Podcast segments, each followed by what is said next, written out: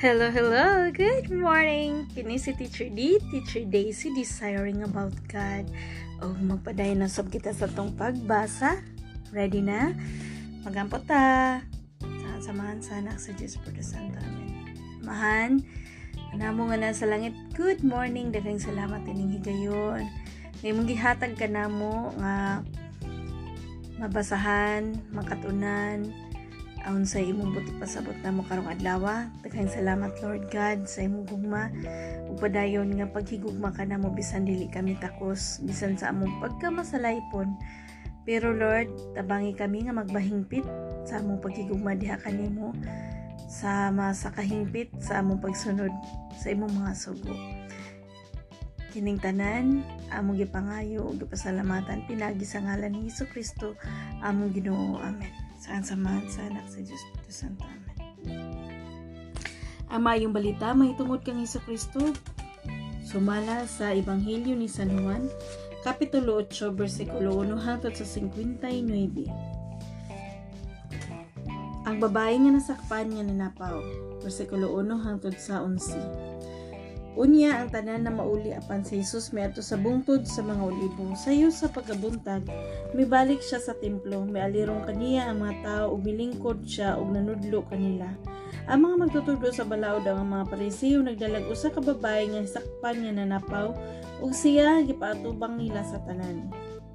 Mingon sila kang Jesus magtutudlo, kining babayhana nasakpan nga nanapaw sa atong balaod ng sugo si Moises nga ang magbuhat sa ingon kinahanglan batuon hangtod mamatay. Karon unsa may imong ikasulti? Gisulti nila kini aron pagbitik kaniya o sa ingon ikasumbong nila siya. Apan mitikubo si Jesus ug misulat sa yuta ginamit ang iyang tudlo.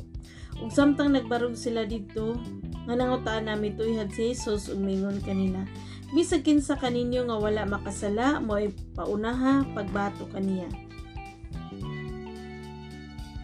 Unya misulat siya pag-usab sa yuta sa pagadungog nila sa gisulti ni Hesus nagiyahay sila pamaha, pamahawa og naguna ang mga tigulang nahibilin si Jesus ug ang babae nga nagbarog gihapon didto. Si Jesus mituyhad og mingon kaniya, "Hay naman sila, wala ba'y nagpabilin aron pagsilot kanimo?" "Wala, sir," siya mitubag. Si Jesus mingon kaniya, "Kung mao kana, bisan ako dili usab mo silot kanimo." Lakaw ug ayaw na pagpakasala. Si Jesus ang kahayag sa kalibutan, versikulo 12 hangtod sa 20. Unya si Jesus mingon na usab sa mga Pariseyo, ako mao ang kahayag sa kalibutan. Ang musudod kanako dili na gayud maglakaw diha sa kangitngit kun dili makabaton hinuon sa kahayag sa kinabuhi. Ang mga parisiyo ingon kani nagsaksi ka bahin sa imo ragyod nga kaugalingon ug ang imong gisulti dili madawat. Si Jesus mitubag bisan tuod nagsaksi ako bahin sa akong kaugalingon ang akong gisulti tinuod kay nasayod man ako din ako gikan ug asa ako padulong. Apan kamo wala masayod diin ako gikan ug asa ako padulong.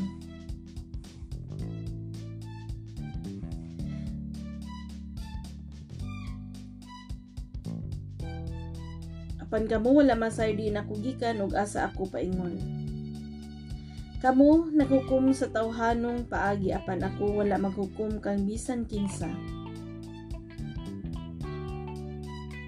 Apan kun maghukom ako husto gayud ang akong hukom kay dili man ako rang usa ang maghukom kun dili ako ug ang akong amahan.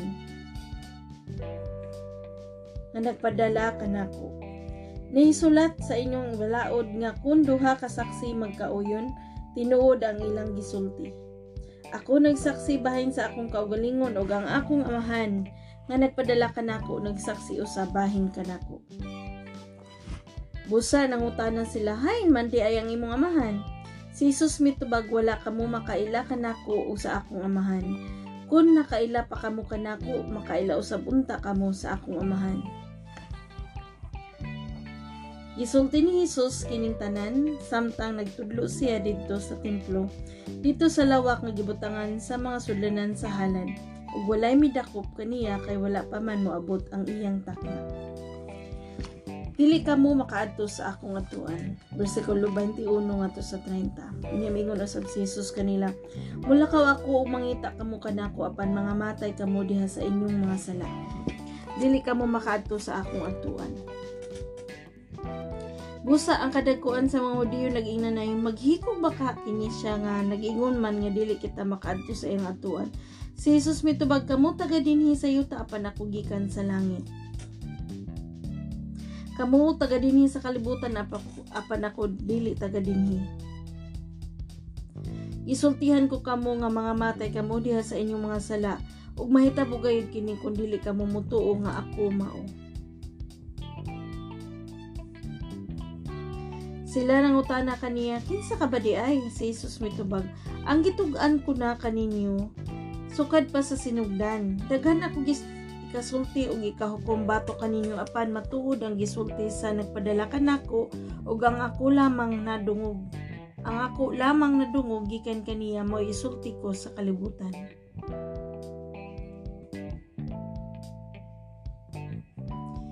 Wala sila makasabot nga nagsulti siya kanila mahitungod. Nakasabot nga nagsulti siya kanila mahitungod sa amahan. Busamingon sa Jesus kanila, kun inyo nang iisa ang anak sa tao, mahibaluan ninyo nga ako mao. Ugo niya, masayra ninyo nga wala ako magbuhat sa kaugalingon kong pagbuot, kung dili nagsulti lamang ako sa gitudlo kanako sa amahan. O siya nga nagpadala kanako, naguban kanako. Wala ko niya pasagdi nga maginusara kay nagbuhat man ako kanunay sa makapahimuot kaniya.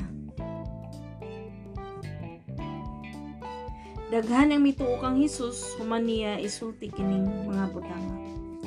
Ang kamatuoran maghatag kaninyo gagawasan. Versikulo 31 ngadto sa 47. Busa mingon si Susana noo kaniya kun tumano ninyo ang akong pagtulunan tinuod gayud nga kamo akong mga tinunan. Mahibalo kamo sa kamatuoran ug ang kamatuoran maghatag kaninyo kagawasan. Sila nitubag, mga kaliwat kami ni Abraham ug wala pa gayud kami maulipon ni bisan kinsa. Busa unsa may buot mong ipasabot sa imong pag-ingon nga kami makabaton og kagawasan Si Jesus mingon kanila sultihan ko kamo ulipon sa sala ang tanan nga makasasala.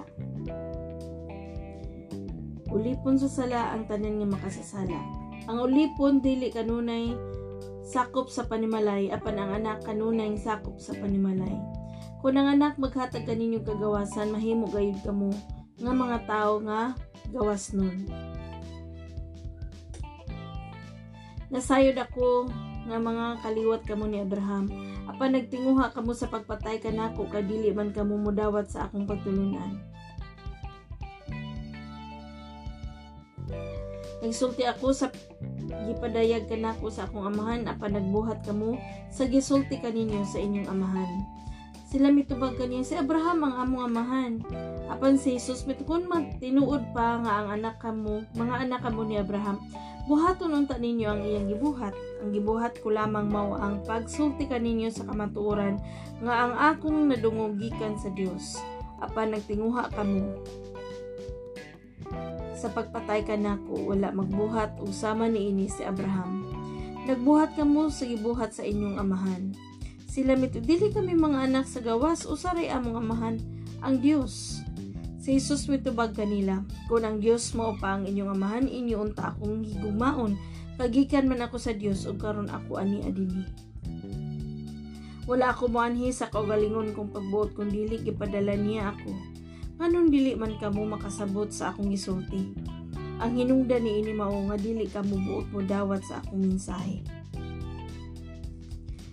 Mga anak kamo sa inyong amahan nga mao ang But kamo musunod sa mga tinguha sa inyong amahan.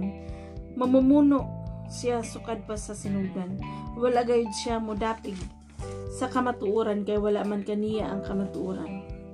Kung mamakak siya, natural lamang kana kaniya. Kay bakakon man siya og amahan sa tanang bakak. Dili ka mamutuo kanako kani sulti man ako sa kamatuoran. Kinsa ba kaninyo ang makapamatuod nga nakasala ako? Kay nagsulti man ako sa kamaturan. nganong dili man ka mumutuo kanako ang iya sa Dios mamati sa mga pulong sa Dios apan kay dili man kamo iya sa Dios dili kamo mamati Si Jesus ug si Abraham, versikulo 48 ngadto 59. Ang mga Hudiyo mitubag kang Hesus, dili ba husto ang among pag-ingon nga ikaw usa ka Samarianhon ug giyawaan?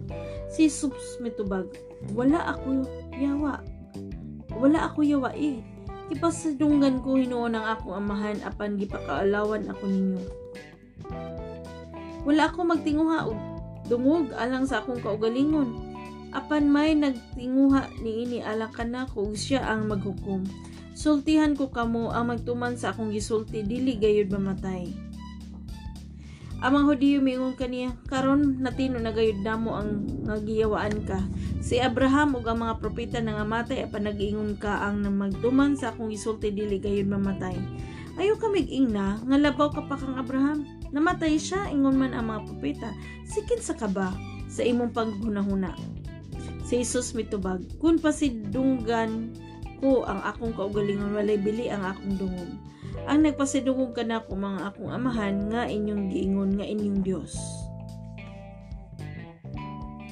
Wala gayud kamo makaila kaniya apan ako nakaila kaniya. Kung moingon ako nga wala ako makaila kaniya, mahimo akong bakakon sama kaninyo. Apan nakaila ako kaniya og nagtuman sa iyang sugo ang inyong amahan nga si Abraham nalipay nga makakita siya sa adlaw nga ak sa akong pag-anhi. Nakita niya kini og nalipay siya. Ang mga tao mingon kani wala pa gani kay 50 ka tuig. Unya nakita mo na si Abraham. Si Jesus mitubisultihan ko kamo wala pa gani mataw si Abraham. Ako mauna. Ug namunit silag mga bato aron ilang batuon si Jesus apan mitago siya ug mibiya sa tingkod mao kini ang pulo sa Ginoo. So, unsa atong nabantayan? Si Abraham buhi. Feel niyo? Do believe that? So, kung si Abraham buhi, ipa ila-ilan ni Hesus Kristo si Abraham buhi dinhi sa Bible na basahan nato nga si Moises buhi si Eli Elias buhi so buhi sila na nagtuo sa Dios gibanhaw sila sa Dios ug ang kamatuoran dili ang atong mga kamatuoran. Oo ang kamatuoran mao nga ipakita nato ang kamatuoran ni Hesus Kristo. Ang kamatuoran nga mao ni ang makasasala. Ingon siya diri ulipon sa sala ang tanan nga makasasala. So kung makasala kita, dili kita mahimong mauban niya. Kay naa may reminder si Jesus Christ nga dili ta kangadto sa iyang ngadtuan kung makasala kita. Pero kung ang anak maghatag kaninyong kagawasan mahimo gayud kamo nga mga tao nga mga gawas nun. So, kumusta na nabatay? Uh, ang ato bang pagtuo, ang atong pakig, lambigit, ang atong ato bang tinuan, ato bang tindugan? Dili about sa relihiyon, kung dili, ikaw, na nagtuo ni Hesus Kristo, imo ba nang kitindugan? Kay, grabe po siya, kamatinumanon sa iyang mga saad. Sabihin nata, ang kamaturan will set you free. No, it's not your kamaturan, it's Jesus Christ truth. The truth of Jesus Christ. Mura na mahimo na itong kagawa, mahimong tao nga gawas nun. Kaya naman, mas madawat nimo ang mga sala sa ubang tao. Oo. Kay kahibaw kang ikaw pod makasasala. Hmm. Dili dili ka mag-judge nila kay ang Ginoo nay bahalang muhuwis nila. Tapos usap pa,